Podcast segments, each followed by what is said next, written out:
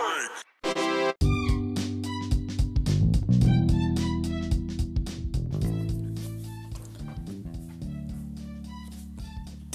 dua, satu. Assalamualaikum warahmatullahi wabarakatuh. Selamat siang para pendengar podcast CLID Segmen khusus Persib ya, Persiban. Gimana? Semalam bisa tidur nyenyak atau tidak dengan kekalahan lawan Bali. Dua laga yang sebetulnya tidak tidak positif ya untuk tim Persib. Karena laga-laga sebelumnya kan berhasil menang. Dan menunjukkan performa yang menanjak di laga-laga sebelum dua laga itu. Yang versus Barito kita ditahan imbang di kandang dan kemarin sangat seru secara secara garis besar permainan sangat seru. Saling jual beli serangan permainan terbuka ya. Dan memang mungkin ini musimnya dari Bali United. Jadi kita harus mengakui kekalahan waktu semalam ya. Meskipun ada bumbu-bumbu drama ya yang terjadi ketika sebelum Bali comeback pas waktu ECL di sebenarnya itu sebenarnya yang saya lihat itu ECL tuh belum tentu salah loh itu. Karena dia diterjang dari belakang oleh Leon, Leonardo Pamahu.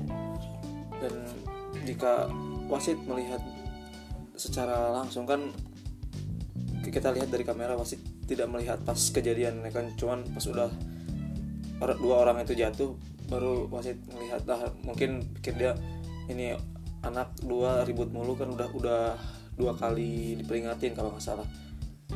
Waktu Eze sama Pacheco sama terus yang kedua tuh Eji sama Leonard sebelumnya kan. Mungkin ya udah biar adil duluannya kartu kuning lagi. Sebenarnya kan kalau kita lihat ada tuh tayangan ulangnya. Eji kan cuman ngadep ngadepnya ke belakang tuh. Nah Leonard ini apa namanya kayak nekel gitu kan dari belakang. Terjatuh juga kan dia nggak nggak langsung nibanin kaki atau apa. Dia refleks supaya nggak nibanin badannya Leonard kan. Tapi wasit berpikiran lain ya mulai dari situlah kacaunya permainan terasa ya. Bisa dua kali unggul disamain. Awalnya sih positif lah di laga kemarin saya lihat wah ini bakal menang nih seru. Maksudnya kan Bali belum pernah menelan kekalahan di kandang mereka itu musim ini. Persib jadi tim pertama eh tahunya di kampung. Dan emang sulit apa sukar supar dipercaya ya. Dua gol itu berkat kontribusinya sang kapten kita musim ini. Dan saya juga heran mengapa masih saja diduetkan dengan Nick gitu ya yang jelas kan Supardi yang saya tahu sebelum sebelumnya kan dia hanya ada di posisi fullback ya, back sayap. Jarang sekali dia ada di maksudnya tiga itu apa tiga tiga back sejajar tuh jarang banget. Kemarin juga waktu lawan Bali itu kan dia center back juga kalau nggak salah sama Nick ya. Suasananya ada hand hand sebelah fullbacknya. Kenapa nggak pakai Indra Mustafa gitu yang emang posisinya posisi aslinya di sana gitu. kita kita juga nggak tahu selera abah obe itu seperti apa dan di dua laga terakhir kemarin emang kelihatan banget hand hand nggak perform sama sekali ya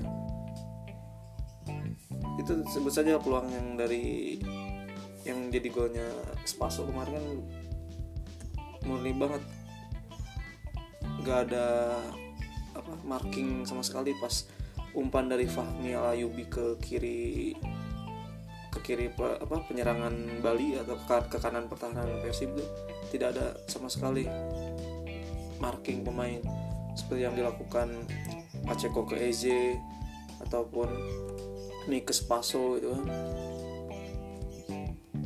dan yang lebih parahnya lagi pas pergantian Fred ditarik keluar itulah awal mula yang sebenarnya tuh. Soalnya pelari kita diganti dengan pemain stylish kelas Esteban. Bukan jelek tapi menurut saya musim ini Esteban kurang nyetel di Persib nggak tahu bakalan nyetel atau enggak. Meskipun dia udah WNI kan tidak mengganggu jatah atau kuota pemain asing tapi jika dilihat dari permainannya kan di awal musim dia cedera panjang terus begitu dia kembali dia belum bisa perform malah kalah sama Fred kalau kata saya. Fred dia di awal-awal dapat posisi lebih sedikit dia kalah sama Gozali tapi akhir-akhir ini Gozali yang terpinggirkan Fred yang naik. Dan satu lagi eh, di laga lawan Barito kemarin sebelum ke Bali ya. Kan eh, minus Eze ya. Eze belum bisa tampil karena habis bela negaranya. Terus yang dipasangkan tuh kan Kevin tuh yang di depan. Saya lihat benar-benar pemain ini tuh seperti apa ya? Sosok gitu ininya kualitasnya tuh. Dibandingkan dengan tandem Eze musim lalu gitu kan Bauman Kevin ini seolah tidak ya untuk level pemain luar gitu untuk pemain ya pemain asing gitu kan. Kok nggak ada spesialnya gitu. Mungkin ya emang waktu gol gol yang dia cetak lewat tangan bebas itu bagus saya akui itu bagus. Tapi apakah hanya itu saja keahliannya kan yang kita harapkan dari pemain asing itu lebih gitu. Biar bisa nular ilmunya ke pemain lokal. Ya kalau sama aja sama kualitas pemain lokal ya apa ini beli gitu. Saya juga kurang tahu apa dia tidak nyaman dengan posisi dia di Persib. Tapi kalau dibilang nggak nyaman pas awal-awal dia datang juga kan dia sendiri yang bilang oh saya sudah lihat video ECCL tipe permainan seperti apa saya akan banyak anu-anu banyak apa namanya banyak nyumbang asis banyak support supaya dia lebih banyak cetak gol. Golnya ya sama aja kayak Rene Mihelik ya sebelumnya tidak banyak berkontribusi. Ya tandem yang pas ya sejauh ini ya memang Bauman yang gara-gara manajemen nyeret dia. Walaupun di pas di akhir-akhir musim kemarin kan selek tuh sama EJ terlibat baku hantam sedikit ya di lapangan. Tapi kan secara permainan mereka tuh klop gitu. Saling mendukung gitu. Dua-duanya subur. Dan tanpa EJ pun Bowman meskipun dia tidak mencetak gol tapi dia masih bisa merepotkan pertahanan lawan. Screening bolanya bagus dia kalau dribble tuh lengket banget cepel kalau kalau istilah Sundanya tuh. Dia kalau lagi megang bola tuh walaupun bolanya lepas pasti ya adalah pelanggaran atau apa. Ya walaupun uh, apa alasan manajemen tidak memperpanjang kontraknya kan karena dia banyak mengoleksi kartu tapi secara kontribusi dia lebih jauh daripada Kevin. Dia juga sama kan datang datangnya uh, bukan kalau nggak salah dia uh, paruh kedua kalau nggak salah. Bukan dari awal musim kalau nggak salah ya. Dia datangnya tuh. Ya pokoknya pas Gomis datang nggak nggak lama kan pengen ada beberapa pemain yang jadinya itu Bowman kan. Yang sempat diragukan juga kan. Tapi pas ke sini ke sini dia main banyak berkontribusi lah kalau menurut saya. Tanpa Eze pun dia masih bisa cetak gol masih bisa repotin pertahanan lawan bisa apa tiktak operan sama pemain lokal. Tapi dibandingkan kualitas Kevin ya jujur sampai sejauh ini belum kelihatan kualitasnya. Nggak tahu dia masuk persib tuh karena orang dalamnya Rene Albert gitu kan. Mungkin dia nganggur nih bos saya nggak lagi nggak ada kerjaan. Oh sini kamu ke persib aja. Mungkin kayak gitu kan kita nggak tahu. Ya itu mah umur lah. Semoga aja musim depan harus dievaluasi tuh. Kevin Esteban juga mungkin bisa lah dievaluasi. Tapi kalau kata saya dia seperti kurang ini kurang pas penempatannya seperti dahulu dia waktu di Arema sama sekarang di Persib dia kayak yang beda posisinya mungkin nggak tahu efek cedera juga atau dan yang harus dievaluasi itu benar di sisi pertahanan. Mungkin kalau kalau musim besok ya masih banyak apa namanya banyak uh, banyak banyak opsi ya di center back. Dengan bertambahnya ada Fabiano ntar terus Jupe juga kalau lagi mus maksudnya kalau nggak cedera atau kalau nggak pasti ada kan Jupe Fabiano sama Nick tuh udah enak. Ya mungkin yang tersisi ya back back yang yang kurang makin kurang gitu. Kayak Indra Mustafa kan dia waktu sama Gomez udah mulai naik tuh. Cuman ke kekurangannya dia emang dari postur ya. Tapi sejauh ini kalau dia dikasih kesempatan main ya tidak mengecewakan lah walaupun posturnya pendek. Serius. Ya untuk kelas pemain muda debut dia juga harus jaga pertahanan. Kalau itu sih lebih berat ya dibanding dengan seorang pemain muda yang harus jadi striker di tim sekelas Persib ya untuk di Indonesia. Pasti bebannya tuh lebih ke pemain belakangnya gitu karena yang jadi sorotan itu pasti kalau banyak yang kebobolan apa banyak gol yang bersama ke gawang pasti yang disorot tidak hanya striker pasti yang lebih disorotnya itu pemain belakang. Dan kita realistis saja ya. Untuk finish di posisi 5 juga mungkin agak sulit. Bisa bisa dilihat dari performa tim-tim ya yang berdekatan dengan kita tuh. Kan kemarin juga mereka pada kalah kalah semua Arema Persipura. Tapi ya cukup sulit lah jika Persibnya juga mulai inkonsisten lagi. Dan berharap benar-benar musim depan gue uh, apa Gomez lagi mudah-mudahan Rene Albert bisa meracik strategi menemukan pemain-pemain yang pas di tim dan tolong tolong agar dari manajemen maupun dari mana pun jangan ada tekanan harus siapa yang mana harus siapa yang ada di Persib musim depan harus siapa yang keluar ya. Ya kalau kita berpendapat boleh sih tapi kan yang kalau yang jadi masalah tuh itu campurnya manajemen. Kalau Boboto tuh ya paling didengar nggak didengar kan kalau Boboto oh si ini out si ini out. Ya, yang punya kuasa kan tetap yang punya duit yang punya kuasa kan ada di manajemen. Terlebih kan di Persib sistemnya bukan manajer seperti di Liga Eropa gitu kan. Pelatih pelatih aja kadang-kadang si pemain itu dipilihin sama manajemen. Kadang-kadang mereka berunding. Padahal kan itu urusan teknisnya pelatih gitu. Tidak ada urusan dengan yang selain itu kan dan dengar-dengar juga kan katanya Wahaji juga musim ini terakhir jadi manajer ya semoga saja gitu. Bukan saya mendoakan maksudnya jelek ya maksudnya. Tapi ya udah cukup lah kalau kata saya. Untuk Wahaji itu ada di Persib. Saya sangat sangat apa ya sangat mengapresiasi sekali loyalitasnya sangat bagus sangat baik ke Persib. Dari awal Persib jadi PT gitu kan. Dia orang dia selalu jadi orang pertama gitu yang membela Persib. Kita harus aku itu kita jangan menafikan sebaik bobotoh kita harus menghormati beliau. Tapi kadang di tiap pemilihan pemain atau apalah ya, yang berbentuknya itu nantinya jadi kontroversi dia juga punya andil gitu. Jadi jadi kitanya tuh serba salah. Dia tuh jadi nggak nggak nggak jadi seorang yang sempurna untuk di respect gitu. Ada ada aja salah untuk ya kita maklumi sama kitanya geram juga gitu kan ya tingkahnya. Tapi dengan dengan waktu kemarin-kemarin di media katanya tahun sekarang dia terakhir semoga aja uh, kursi manajer atau tonggak manajer tuh udah langsung dikasih ke Rene Albert gitu manajer sama pelatih terus jadi rangkap gitu. Biar dia yang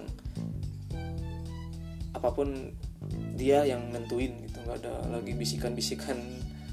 Kan kita tuh kan ada juga namanya tuh istilah orang dalam misalkan pemain titipan ya itu biar biar meminimalisir itulah. Ya cukup aja manajer tuh ngasih dana aja nih kita ada dana segini ya udah pakai kamu beli pemain yang uh, yang kamu suka itu cukup lah.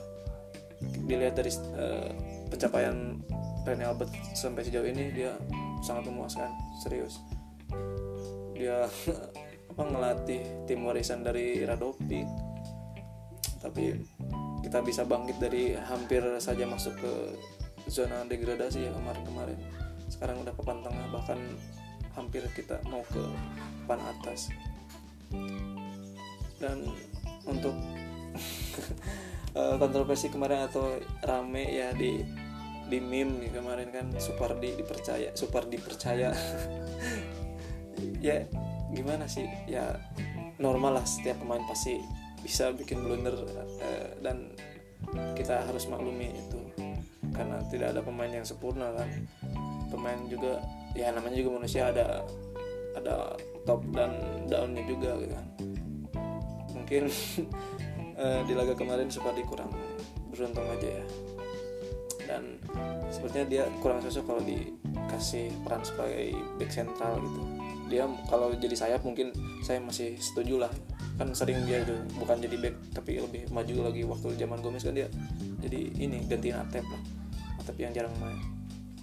Pas begitu jadi back apa center back kurang lah. Mungkin dari segi dari segi usia juga dia udah keteteran. Dan kita lihat kan kemarin itu gol yang build up dari kiper langsung ke depan itu Lili paling bisa lari di antara dua pemain itu gimana ceritanya gitu. Itu yang bikin buyar tapi salut sama ini apa namanya permainan Made itu. Walaupun dia main di kandang maksudnya di kandang di rumah sendiri gitu kan sebagai lawan terhadap tim daerahnya gitu tim asal daerah. Tapi dia penampilan dia sangat banget bagus. Menepis penalti menepis peluang dari Pedil Sausu ya kan sebelumnya tenang bebas. Kurang apa lagi coba. Cuman itu yang paling kocak itu gol yang kedua. Aduh ya Allah udah udah udah ketebak. Udah ter, terpatahkan ya tendangan Spaso keras itu. Eh kucuk kucuk kucuk dari, dari depan. Kirain saya itu dia mau heading ke depan gitu kan. Ya emang kan sering juga back tuh ngebuang bola ke belakang juga tapi nggak pas atau nggak tahu apa gitu. Meluncur deras ke gawang sendiri. Ya saya baca-baca di apa namanya sobat CLID saya baca-baca di komentar Facebook kan banyak tuh. uh, fanpage dari Bobotoh juga saya ikut ya. Banyak yang ada juga yang sebagian kayak gini. Jadi ingat perselisahan Gomez sama Supardi yang bilang kan Gomez bilang adanya pengkhianat tim gitu. Ya kalau lihat kayak gini kan kayak yang gimana gitu. Kayak yang biarin ju apa Bali juara kan. Bali tinggal butuh satu poin lagi loh untuk jadi juara karena saking jauhnya gap sama posisi kedua dan ketiga. Ya ini kan bisa aja maksudnya takutnya jadi fitnah kita kan cuman ini aja seru-seruan kita juga nggak mungkin lah. Nuduh Haji Pardi seperti itu. Dia termasuk sosok yang loyal untuk Persib sejauh ini meskipun bukan putra daerah. Terus dia juga jadi kapten mana mungkin. Saya meragukan kalau dia sampai berkhianat tapi untuk lulusan-lulusan itu ya masuk juga gitu. Dan uh, pertandingan lawan Barito ya selain saya menyoroti Kevin yang kurang maksimal gitu kan ditaruh di depan. Nggak tahu saya tuh saya lihat Kevin tuh cocoknya sebagai apa nggak tahu juga. Soalnya dari heading dia walaupun tinggi jarang sekali buat heading di depan gawang tuh. Kemarin aja pas, pas lawan Bali kan aduh ah keserian pokoknya itu. Uh, pas lawan Bali itu sangat-sangat tidak berguna sangat-sangat bapuk sekali. Dan emang harusnya diganti sejak babak kedua kalau nggak kalau saya lihat itu. Soalnya apa? Jajang Nurjaman tuh tahu luar dalam Persib ya. Dia tahu pemain-pemain muda Persib. Dia tahu pemain-pemain daerah yang ada di Persib saat ini tipe-tipenya seperti apa. Dia lebih tahu lah dari Rene Albert. Makanya dia pas main tuh dia tidak melayani permainan tempo cepatnya Persib gitu kan. Tapi dia sengaja numpuk pemain-pemain belakang yang tinggi-tinggi itu di, di belakang nah karena karena dia tahu. Walaupun Febri cepet Fred cepet akhirnya kan dia pasti ngumpan juga kalau orang-orangnya saking banyak di lini pertahanan atau di sisi pertahanan mereka pasti ngumpan. Dan yang diumpan kalau tidak ada si Aliando ya Persib siapa lagi gitu. Kalau Bowman sih waktu kemarin sundulan juga dia hebat. Maksudnya uh, sukses lah banyak yang sukses kalau dia duel kalau modelin Kevin kemarin aduh. Kita di umpan Lampung nih Fred lari terus dia eh, capping bola terus dia umpan. Mental lagi. Ya Janur keenakan maksudnya dia tahu ini dan lini tengah sialnya lini tengah dia kuasain gitu. Dia lini tengah kuasain. Ya jujur aja kan di kita tuh tidak ada pemain yang tipenya kayak Firman lah. Uh, waktu juara kan emang Firman tuh playmaker yang sangat jarang ditemui ya. Mungkin di generasi sekarang juga siapa yang tipenya sama seperti Firman Mutina ya dia dia bisa create bola dia bisa umpan kiri kanan lambung juga bisa. Playmaker yang menurut saya langka lah untuk di Indonesia. Walaupun ada pasti ada. Cuman belum menyentuh ke level Firman. Tapi waktu di Persib level Firman itu sama seperti kabarnya sewaktu dulu. Dia sama Eka kan ininya waktu dulu duet mautnya tuh. Oh, dan lini tengah yang sekarang ada di Persib itu mungkin yang agak sedikit mana waktu kemarin-kemarin kan Zola. Tapi nggak tahu Gian Zola tuh ke mana ya? Apa ikut timnas atau enggak? Saya juga nggak padahal kan katanya dicoret juga kan. Nah mungkin yang agak ke depan itu Zola kalau dilihat dari dan Beckham juga. Beckham kan ikut timnas juga loh saya berarti ya. Nah sisanya kayak Abdul Aziz dia uh, dia emang tapi kalau menurut saya dia sama seperti Deddy Kusnandar jadi dia agak kebertahan oke dia juga depan tapi agak kurang lah ya. Kurang tuh ya nggak se nggak sebagus Zola lah kalau menurut saya. Uh, terus Haryono lah itu jangan ditanya lagi lor uh, legenda hidup Persib. Walaupun dia cuman bagus di bertahan dan sangat kurang di menyerang tapi ya selama hampir udah ya mungkin udah satu dekade lah dia kan di Persib. Jangan inilah maksudnya jangan kecewakan lah maksudnya kemarin kan Atep juga kan dibuang secara tidak formal gitu kalau Haryono. Meskipun dia cadangan ya ya tetap aja gitu kan. Apresiasi apresiasi lah. Dia jadi legend legenda hidup dia. Uh, terus Omid Omid juga kalau menurut saya dia kurang lah kurang maju juga ya. sebenarnya tuh ada di Esteban kalau nggak salah kalau saya lihat gitu kan. Harus yang harusnya yang jadi playmaker. Cuman yang jadi soal itu tidak ada tipe yang seperti target man seperti siapa ya. Seperti Simic atau target man seperti Simic target bentar bentar bentar. Ya Khalid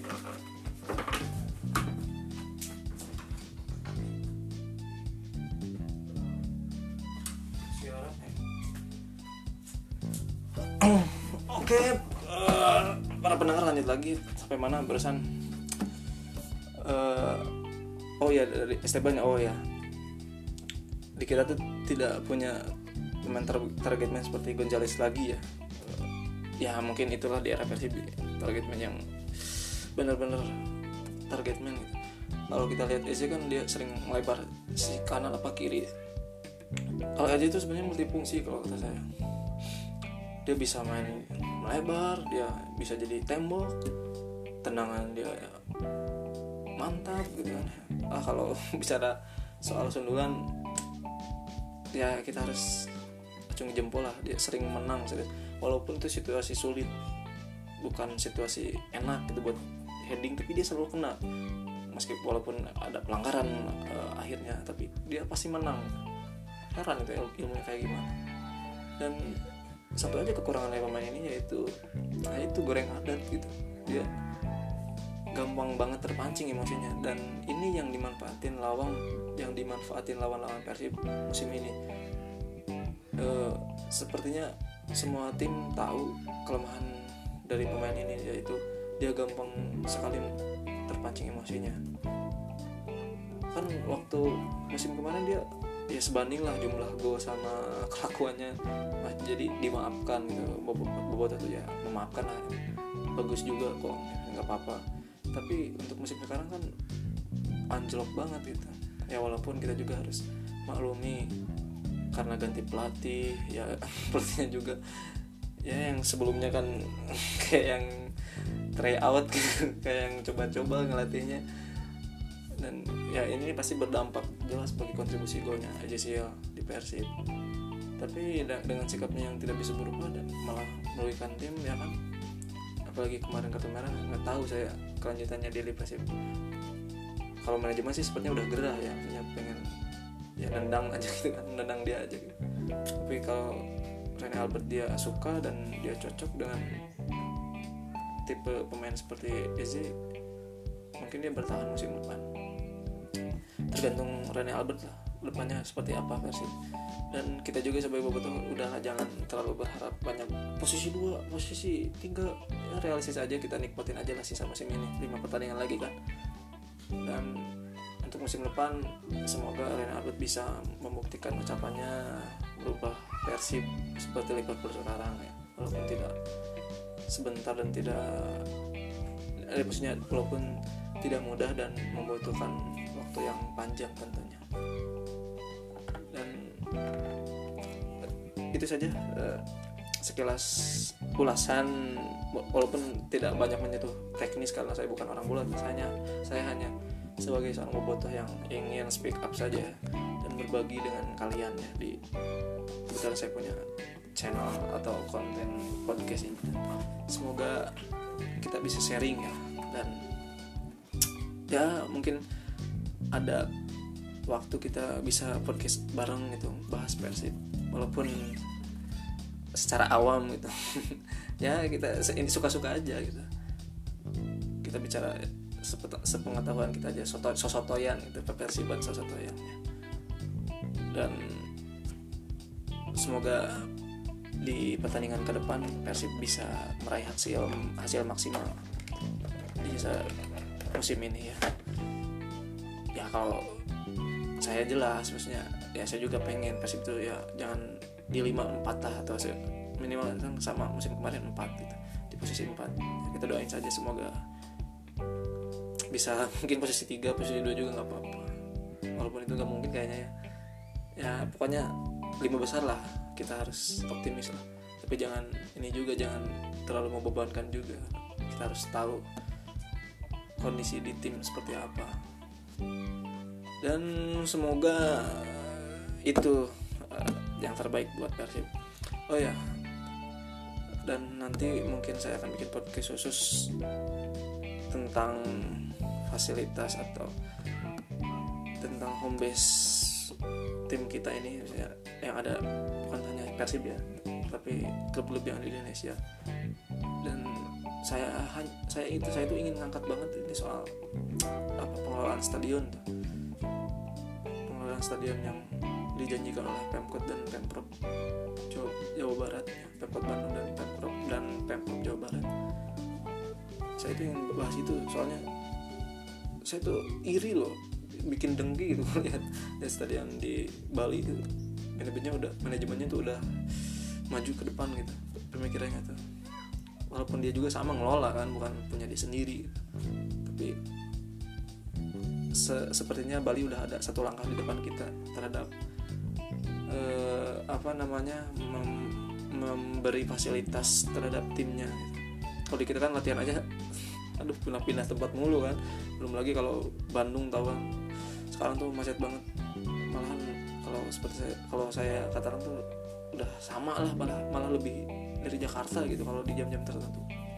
Tiap titiknya tuh macet. Ya bayangin kalau Persib latihannya di Cimahi atau di Arcamani kan lumayan jauh gitu. belum belum macet belum apa. Ya kalau ada pusat pelatihan sendiri stadion deket ya berharapnya seperti itu tapi kita nggak tahu kan kadang-kadang ada konflik internal juga di manajemen dengan kepengurusan Persib dahulu gitu kan ya sampai sekarang belum selesai katanya dengan beberapa klub anggota Persib dahulu. Ya susah sih. Terus juga ada wacana go public waktu dulu datang Asian kan katanya oh mau go public tapi nggak jadi juga. Akhirnya keduluan sama Bali jadi tim pertama yang go public. Padahal kalau di hitung-hitung apa Bali itu ya semacam klub yang baru lahir lah dia dari Persisan cuman dibeli sama Bali. Bali Bali itu sebagai satu pulau dengan kota yang maksudnya maju lah. Banyak turis banyak ininya pasti punya daya pikat lebih dengan daripada klub-klub daerah lain itu dan manajemen di Bali itu pasti lihat ini gitu. Oh ini peluang nih. Selain bisnis dia juga bisa mengelola sepak bolanya biar berprestasi seperti apa. Ya itulah jadi daya, daya, tarik stimulus buat fans-fans Bali gitu. Kan dibandingkan Persib kan jauh lah dari segi sejarah juga. Persib tapi itu tadi kita udah kalah langkah dengan Bali. Dan saya sih ya harapan saya semoga bisa terjadi gitu. Persib bisa ngelola salah satu stadion yang ada di Bandung mau Jakarta mau GBL lah kalau kata saya sih mending GBL aja gitu. Soalnya dia ada di pusat kota dia ada di pemerintahan kota Bandung gitu. Kalau si Jakarta dari segi infrastruktur jalan mau ke sana tuh ya sulit lah. Meskipun di GBL katanya lawan maling atau apa ya kalau benar-benar di urus secara meluruh secara menyeluruh dari si penonton datang ke stadionnya pakai apa aja? Bisa pakai apa aja? Terus naro kendaraan yang pakai kendaraan pribadi di mana dengan aman. Pasti bisa lah gak bakalan ada stigma lagi kalau di GBL tuh gak aman itu terus dengan apa namanya dengan jalur jalur kereta juga kan deket ya dengan stasiun gede bagi juga nggak terlalu jauh. Itu bisa lah diakalin supaya mau buat itu naik kereta gitu. Ya itu saja. Mungkin nanti ada bahasan khususnya tentang infrastruktur atau fasilitas terhadap tim Persib di masa depan atau di kemudian hari. Kita sebagai sebagai bobotoh hanya bisa mendoakan saja dan berharap ya. Tidak lebih dari itu. Karena yang berkuasa yang punya uang tentunya. Oke okay? uh, eh, saya akhiri di siang menjelang sore di hari Jumat ini dengan salam ya. Wassalamualaikum warahmatullahi wabarakatuh. Tetap semangat bobotoh.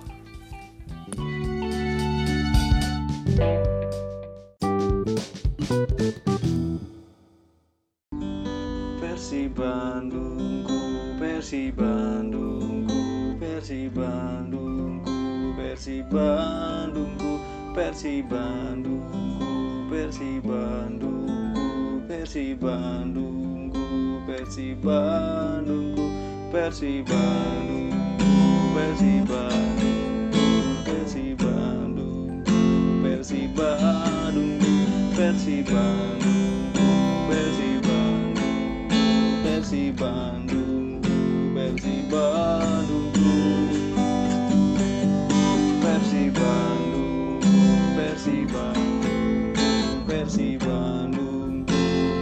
versi Bandung versi Bandung Bandung Bandung